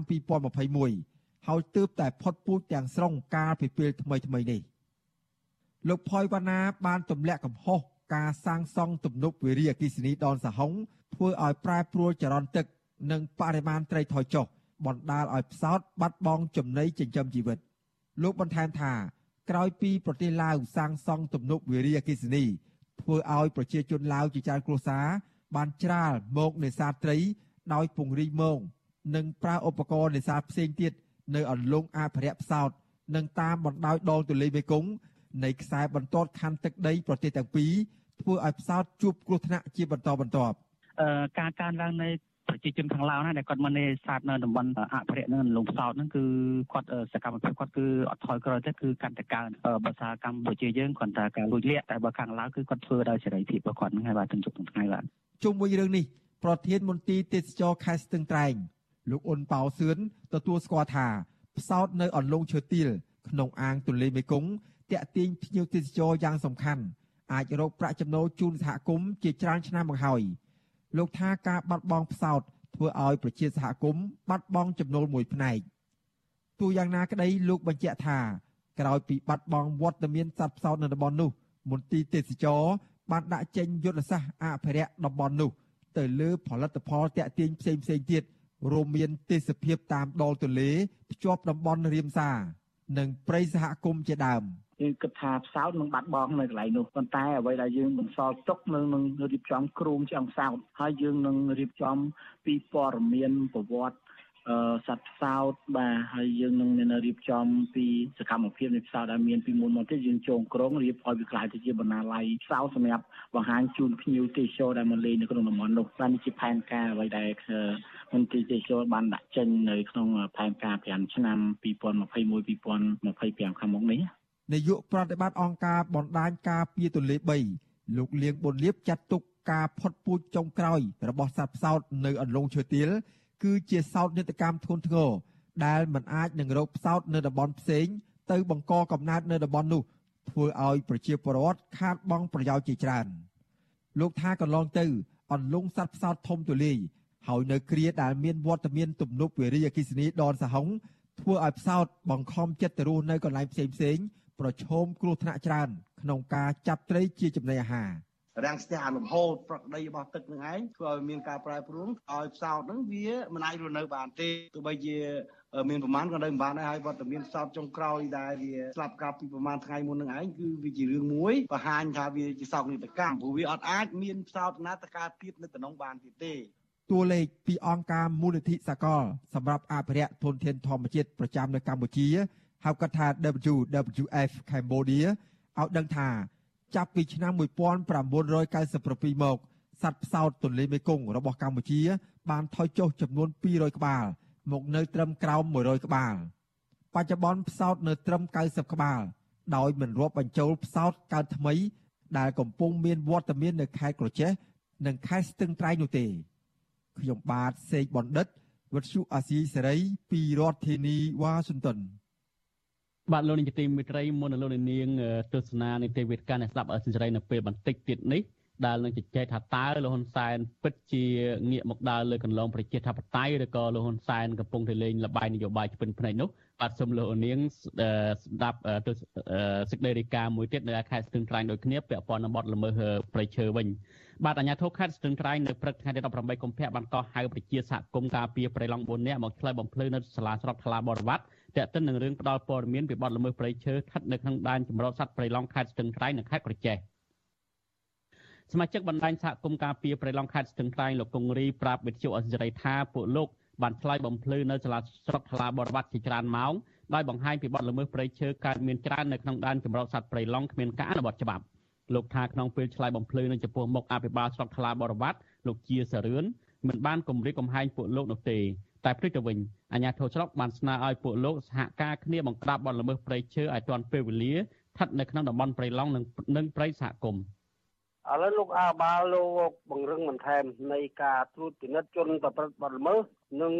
ការពារទុនធានធម្មជាតិគឺគាត់បង្រឹងបន្ថែមឲ្យពួកយើងនឹងកិច្ចសហប្រតិបត្តិការរួមគ្នាចាប់ពីថ្ងៃនេះតទៅ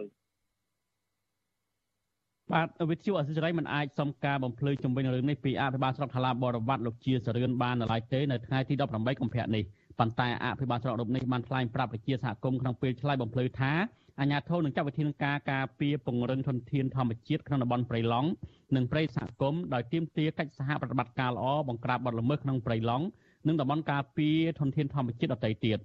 បណ្ដាញសហគមន៍ការពារព្រៃឡង់អះអាងថាបច្ចុប្បន្នបទល្មើសព្រៃឈើ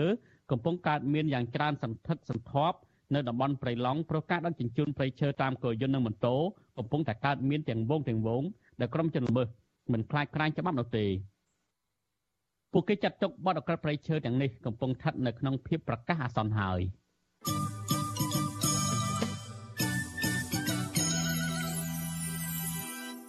បាទលោកនាយកទីមិត្តរីសេចក្តីរាយការណ៍មួយទៀតសមត្ថកិច្ចកំពុងតែស៊ើបអង្កេតជំវិញករណីជនជាតិចិនម្នាក់ត្រូវជនល្មើសបោកបញ្ឆោតបូមឈាមលក់ពាក់ព័ន្ធនឹងការជួញដូរមនុស្សនៅខេត្តប្រស័យហនុ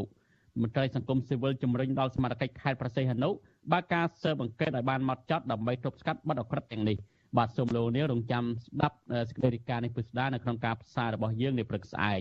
បាទលោកនាងជាទីមិត្តរីលោកនាងក្រៅពីទស្សនា អសិលសេរីតាម Facebook និង YouTube នោះលោកនាងក៏អាចស្ដាប់វិទ្យុអសិលសេរីតាមរលកធាតុអាកាសខ្លីឬ Shortwave តាមកម្រិតនិងកម្ពស់ដូចតទៅនេះពេលព្រឹកចាប់ពីម៉ោង5កន្លះដល់ម៉ោង6កន្លះតាមរយៈរលកធាតុអាកាសខ្លី9390 kHz ស្មើនឹងកម្ពស់ 32m និង11850 kHz ស្មើនឹងកម្ពស់ 25m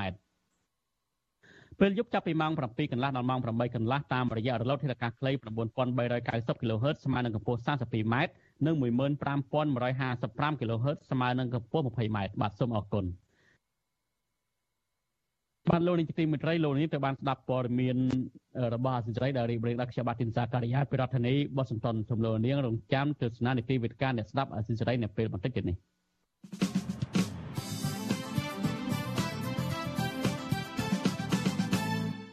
បាទលោកនាយកទីមេត្រីជាបន្តទៅនេះជានីតិវិទ្យាអ្នកស្ដាប់អាស៊ីសេរី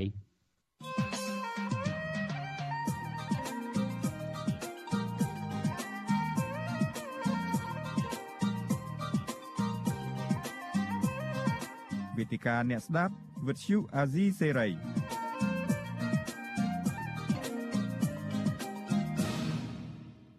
បាទខ្ញុំបាទទីនសាករាសូមជម្រាបសួរលោកនាងចិត្តថ្មីម្ដងទៀតនេតិវេទិកាអ្នកស្ដាប់អសិរ័យរបស់យើងនៅពេលនេះយើងនឹងជជែកថាតើលោកហ៊ុនសែនបានប្រកាសឲ្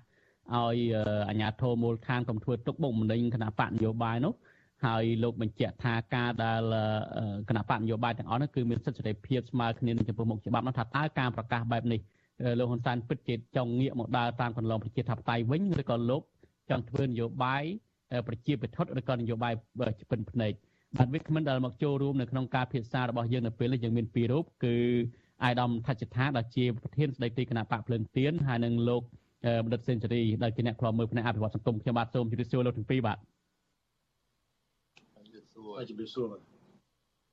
អរគុណដែលអាយដាមនិងលោកបណ្ឌិតសេនស៊ូរីបានចូលរួមបាទដោយដែលលោកនាងបានដឹងហើយកាលពីថ្ងៃទី16កុម្ភៈកន្លងទៅនេះលោកនាយរដ្ឋមន្ត្រីហ៊ុនសែនបានប្រកាសនៅឯក្នុងខេត្តកញ្ចេះនៅក្នុងពេលដែលលោកសម្ពោធផ្លូវនឹងថាអឺចាប់ពីពេលនេះតទៅ គឺលោកបានណែនាំឲ្យសមាជិកមូលដ្ឋានទាំងអស់ត្រូវបើកចំហបើកលំហ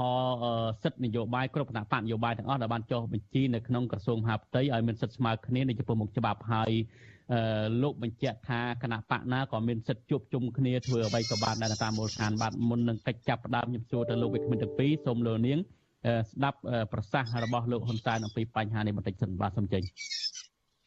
គណៈបកនយោបាយដែលចុះបញ្ជីដោយស្របច្បាប់ទទួលស្គាល់ដោយក្រសួងមហាផ្ទៃចាំបាច់ទៅបង្កលក្ខណៈត្រូវផ្ដល់លទ្ធភាពឲ្យពួកគេមានឱកាសដើម្បីធ្វើសកម្មភាពយុទ្ធនាការបោះឆ្នោតមិនតាមមកដល់ទេ ក៏ប៉ុន្តែគេមានឱកាសជួបជុំសមាជិកសមាជិការបស់គេមិនមែនចាំតែបាច់ទៅដល់ឃោសនាបោះឆ្នោតទេគឺមានលទ្ធភាពដើម្បីសុំការអនុញ្ញាតដើម្បីនឹងលើកផ្លាកមូលដ្ឋានក៏ត្រូវបង្កលក្ខណៈសម្បត្តិមិនមែនមានតែបកកណ្ដាលអំណាចមួយទេដែលមានសិទ្ធិលើកផ្លាកនោះបកដទៃទៀតក៏មានសិទ្ធិលើកផ្លាកដូចយើងកន្លែងនឹងយើងអាចប្រជុំបានជាទីធ្លាសាធារណៈគណៈបកដទៃក៏អាចប្រជុំបានដែរអញ្ចឹងខ្ញុំសូមអំពាវនាវ ឲ្យអាជ្ញាធរគ្រប់របបថ្នាក់បង្កលក្ខណៈសម្បត្តិឲ្យបណ្ដាបកនយោបាយដែលនឹងត្រូវចូលរួមការបោះឆ្នោតនៅពេលកមុខនេះទទួលបាននៅឱកាសសម្រាប់ការជួបជុំការរៀបចំចុះទៅជួបប្រជាជនដែលជាសមាជិកសមាជិការបស់ពួកគេដោយគ្មានការរំខានណាមួយពីមូលដ្ឋានហើយយើងត្រូវខិតខំជួយការពារសវត្ថិភាពនៃបណ្ដាបកនយោបាយនេះបាទកុំឲ្យមានការបោះឆ្នោតមួយ ញោមញីដោយអំពើហិង្សាជំនួសរហូតទៅដល់មានមនុស្សគ្រោះថ្នាក់បាទអ្វីដែលលោកហ៊ុនសែនបានប្រកាសនេះគឺមានចែងទាំងអស់នៅក្នុងច្បាប់ទាំងរដ្ឋធម្មនុញ្ញកម្ពុជាទាំងច្បាប់ស្តីពីគណៈបកនយោបាយនិងច្បាប់បោះឆ្នោតជាដើមបាទជាការចាប់ដើមដំបូងខ្ញុំចង់មុននឹងខ្ញុំសួរទៅអាយដាមថៃស្ថាថាតើគណៈបកភ្លើងទៀនដល់ចាប់ដើមធ្វើសកម្មភាពនយោបាយឡើងវិញនេះមានឧបសគ្គអ្វីខ្លះខ្ញុំសួរទៅលោកដិតសេនស៊ូរីសិនតើ ជាការចាប់អារម្មណ៍របស់លោកតើលោកមើលឃើញបែបណាដែរចំពោះបរិបទនយោបាយការវិវត្តនយោបាយចុងក្រោយឲ្យលោកហ៊ុនសែនប្រកាសឲ្យបើកសិទ្ធិនយោបាយស្មារតីភាពនេះបាទសូមចេញបាទសូមជម្រាបសួរម្ដងទៀតអស់លោកអ្នកស្ដាប់អាស៊ីសេរីហើយសូមជម្រាបសួរដល់ថៃសិដ្ឋាផងខ្ញុំសង្កេតឃើញថាក្នុងនាមជាប្រមុខរដ្ឋាភិបាលវាជារឿងត្រឹមត្រូវមួយដែលរដ្ឋាភិបាលត្រូវតែប្រកាស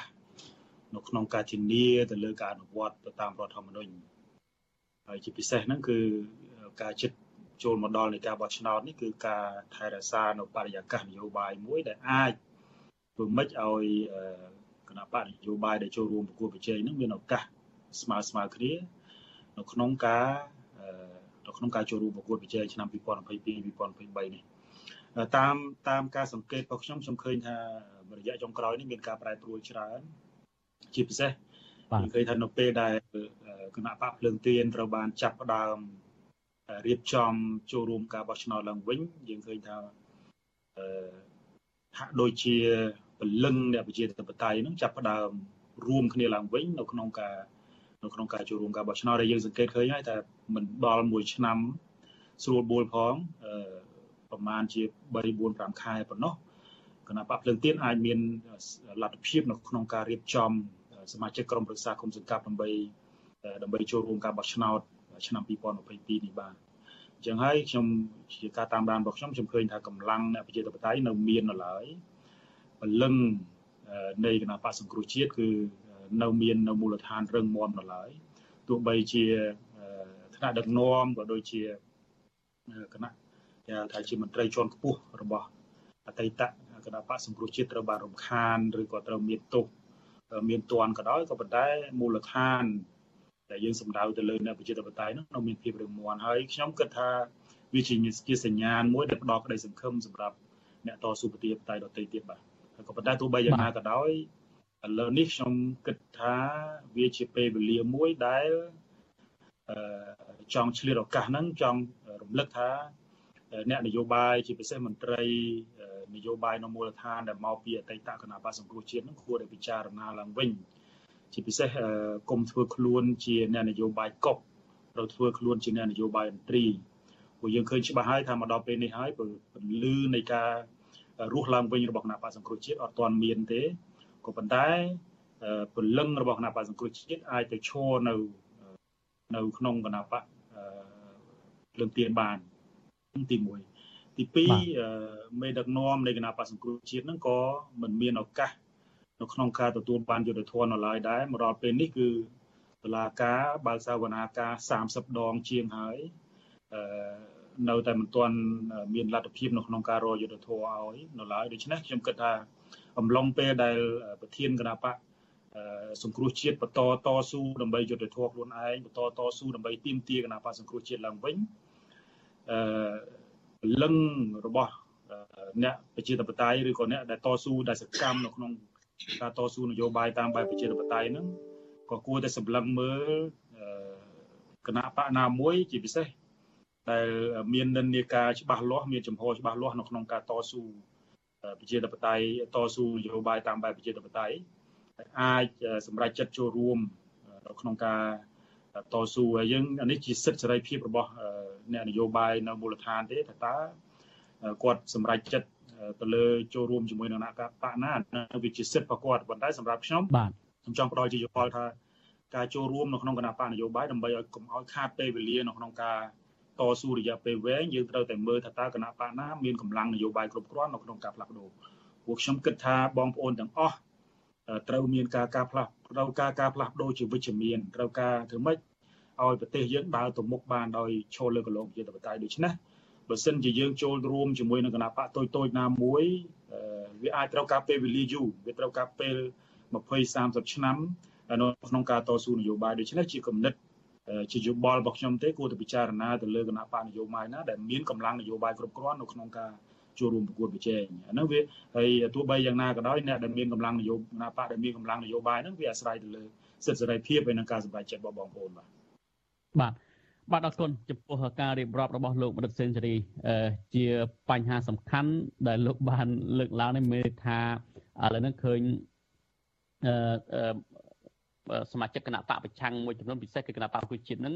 មានសិទ្ធិធ្វើនយោបាយមួយចំនួនប៉ុន្តែមេបករបស់ខ្លួនគឺក្រុមមន្ត្រីមួយចំនួនធំទៀតនៅមិនទាន់មានសិទ្ធិនៅឡើយទេហើយខ្ញុំនឹងសួរថាតើនឹងសួរលោករដ្ឋសេនស៊ូរី បន្តនៅពេលបន្តិចទៀតថាតើអ្វីលោកហ៊ុនសែនប្រកាសពេលនេះជាការប្រកាសដែលចង់ឲ្យមានប្រជាធិបតេយ្យមែនទែនឬក៏ជានយោបាយឆ្ពិនភ្នែកបាទបើសិនជាលោកនាងមានសំណួរចង់សួរមកកាន់លោកវិក្កាមយើងទាំងពីរសូមលោកនេះដាក់លេខទូរស័ព្ទនៅក្នុងខ្ទង់ comment ដែលយើងកំពុងផ្សាយបន្តនេះយើងខ្ញុំទៅតាក់ទងទៅលោកនាងវិញបាទលោករដ្ឋលោកលោកថាសិដ្ឋាអ្វីដែលលោកហ៊ុនសែនប្រកាសនេះមិនមែនជារឿងថ្មីទេលោកសខេងកន្លងមកនេះក៏ប្រកាសជាបន្តបន្តដែរឲ្យបើកសិទ្ធិលំហសិទ្ធិសេរីភាពនយោបាយគ្រប់គណៈបកនយោបាយទាំងអស់ប៉ុន្តែ ការរារាំងដល់តាមខ្ញុំដឹងកន្លងមកគឺពិសេសគឺគណៈបកភ្លឹងទៀនដែលទើបចេញដំណើរការហើយការលើកផ្លាកលើមានការរារាំងជាហោហែតើអ្វីជាឧបសគ្គនាពេលកន្លងមករបស់គណៈបកភ្លឹងទៀនសំខាន់សំខាន់របស់សំចេញជាផងខ្ញុំកណាសូមក្រាបថ្វាយបង្គំព្រះរាមធិរៈគ្រប់ព្រះអង្គនិងសូមគោរពទូបងប្អូនជនរួមជាតិទាំងអស់ទីគោរព សូមអរគុណដល់អសីសេរីដែលបានផ្ដល់ឱកាសបាទខ្ញុំបានមកជម្រាបជូនពីព័ត៌មាននយោបាយរបស់គណៈបកទៅទៀនបើយើងស្ដាប់សាររបស់នាយករដ្ឋមន្ត្រីក្តីរបស់បកនាយករដ្ឋមន្ត្រីសួមហាត់ទេក្តីវាហាក់ដូចជាវាផ្ដល់នូវភាពកក់ក្ដៅណាស់សម្រាប់គណៈបកនយោបាយទូទៅ ប៉ុន្តែអ្វីដែលជាការជាក់ស្ដែងវាមិនទាន់បានប្រព្រឹត្តទៅដូចអ្វីដែលការលើកឡើងឬក៏ជាការណែនាំនោះទេហើយម្យ៉ាងទៀតខ្ញុំបានកត់សម្គាល់ឃើញថាអ្វីដែលនាយករដ្ឋមន្ត្រីបានលើកឡើងក៏បន្ទាប់ពីនាយករដ្ឋមន្ត្រីប្រទេសជប៉ុនក៏បានជំរុញឲ្យកម្ពុជានឹងរៀបចំការបោះឆ្នោតមួយដោយមានសេរីនិងយុត្តិធម៌ដែរអញ្ចឹងមានន័យថាគេបានមើលឃើញថាប្រហែលជាបោះឆ្នោតកន្លងមកហ្នឹងវាអត់ទៅមានសេរីភាពសេរីប្រជាធិបតេយ្យហើយប្រទេសរំលឹកឥឡូវនេះយើងបានឃើញមានការដាក់បទបញ្ជាដាក់អីទៅមិនអោយមានការឆាយឆាវយាយីដល់គណៈបកនយោបាយប៉ុន្តែខ្ញុំចង់ជម្រាបទស្សនវិជ្ជាជាក់ស្ដែងទៅវិញថាដើម្បី បង្កើតបរិយាកាសនយោបាយមុនបោះឆ្នោតឲ្យប្រព្រឹត្តទៅដែលយើងអាចទទួលយកបានហើយថាបរិយាកាសល្អមុនការឈានទៅដល់ការបោះឆ្នោតនោះយើងត្រូវពិនិត្យមើលតើគ្រាន់តែជាវោហាស័ព្ទនឹងវាគ្រប់គ្រាន់ដែរឬអត់វាបាទបើយើងខ្ញុំខ្ញុំគិតថាតតែទង្វើជាក់ស្ដែងចាត់វិធានការជាក់ស្ដែងថែមទៀតបានទើបអាចធ្វើទៅបាន ចំពោះសកម្មភាពរបស់គណៈបកភ្លើងទៀនកន្លងមកយើងឃើញកាលពីថ្ងៃទី7ហើយពុកខៈអីដែលមានការណែនាំពីក្រសួងហាផ្ទៃភាសារួចហើយនិយាយពីការបាទសំកាត់ភាសារដ្ឋាភិបាលបន្តិចបាទសំកាត់ភាសារដ្ឋាភិបាលបន្តិចដោយសារតែលោកនាងកំពុងស្ដាប់តាមវិទ្យុឬក៏រលកធាតុអាកាសខ្លីនឹងនឹងមិនលឺការផ្សាយរបស់យើងទៀតទេហើយលោកនាងកំពុងទស្សនាតាមប្រព័ន្ធ Facebook YouTube នេះសូមចេញបន្តស្ដាប់កម្មវិធីផ្សាយរបស់យើងបន្តទៀតបាទសូមចេញលោកថៃស្ថាបន្តបាទ ចំពោះសិក្ខាសកម្មភាពនៅតាមមូលដ្ឋានអ្វីដែលយើងបានជួបបញ្ហាកន្លងមកទោះបីជាមានការណែនាំពីក្រសួងមហាផ្ទៃក៏ដោយក៏ប៉ុន្តែ មានការកាប់បំផ្លាញស្លាករបស់គណៈបកភ្លើងទៀនមានការគម្រាមកំហែងរហូតដល់មានកន្លែងខ្លះមានដាក់កពិតនៅយកទៅដាក់នៅស្នាក់ការខ្លះយកសាំងយកទៅចាក់នៅកន្លែងស្នាក់ការ ហើយរួមទាំងមានការគម្រាមកំហែងរឿងស្លាកលើកស្លាកមិនអោយលើកស្លាកការរៀបមិនអោយឆោចបេក្ខជនអីសន្លត់អីគ្រប់បែបសពយ៉ាងនេះជាទស្សនវិជ្ជារួមជាត្រួសត្រាសដែលខ្ញុំគ្រាន់តែលើកឡើងថាទោះបីជាមានការណែនាំក៏ប៉ុន្តែអ្វីដែលជាក់ស្ដែងគឺនៅតែបន្តដដែលវាអត់មានអ្វីប្រែប្រួលទេគ្រាន់តែមកដល់ពេលនេះយើងឃើញថាមិនទាន់ជារូបភាពធ្ងន់ធ្ងរខ្លាំងខ្លាណាស់ ណានោះឡើយទេវាដោយអន្លើអន្លើហើយម្យ៉ាងទៀតក៏ខ្ញុំក៏ចង់ជម្រាបដែរបន្ទាប់ពីដូចលោកបណ្ឌិតសេងធារីលើកថាផែ4 5ខែដែលរៀបរៀបបានរចនាសម្ព័ន្ធទូទាំងប្រទេសមិនមែនទេសូមកែតម្រូវតិចថាយើងចាប់ផ្ដើមពីបន្ទាប់ពីសមាជគណៈបកនៅថ្ងៃ27ខែវិច្ឆិកាឆ្នាំ2021នេះបើគិតមកដល់ពេលនេះជាង2ខែទេ ហើយបើយើងចាប់ផ្ដើមធ្វើការសមាជហើយផែមួយសប្តាហ៍ពីរសប្តាហ៍